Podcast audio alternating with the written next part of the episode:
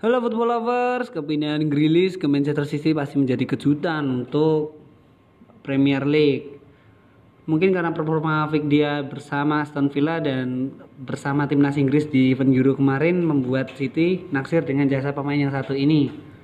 Nggak tanggung-tanggung bahkan 100 juta euro siap digelondorkan oleh Manchester City untuk menggait pemain berusia 25 tahun ini. Nah, dia akan menjadi uh, pemain termahal dalam sejarah Liga Inggris apabila transfer ini telah terjadi mengalahkan Paul Pogba di 2016 yang transfernya mencapai 89 juta euro.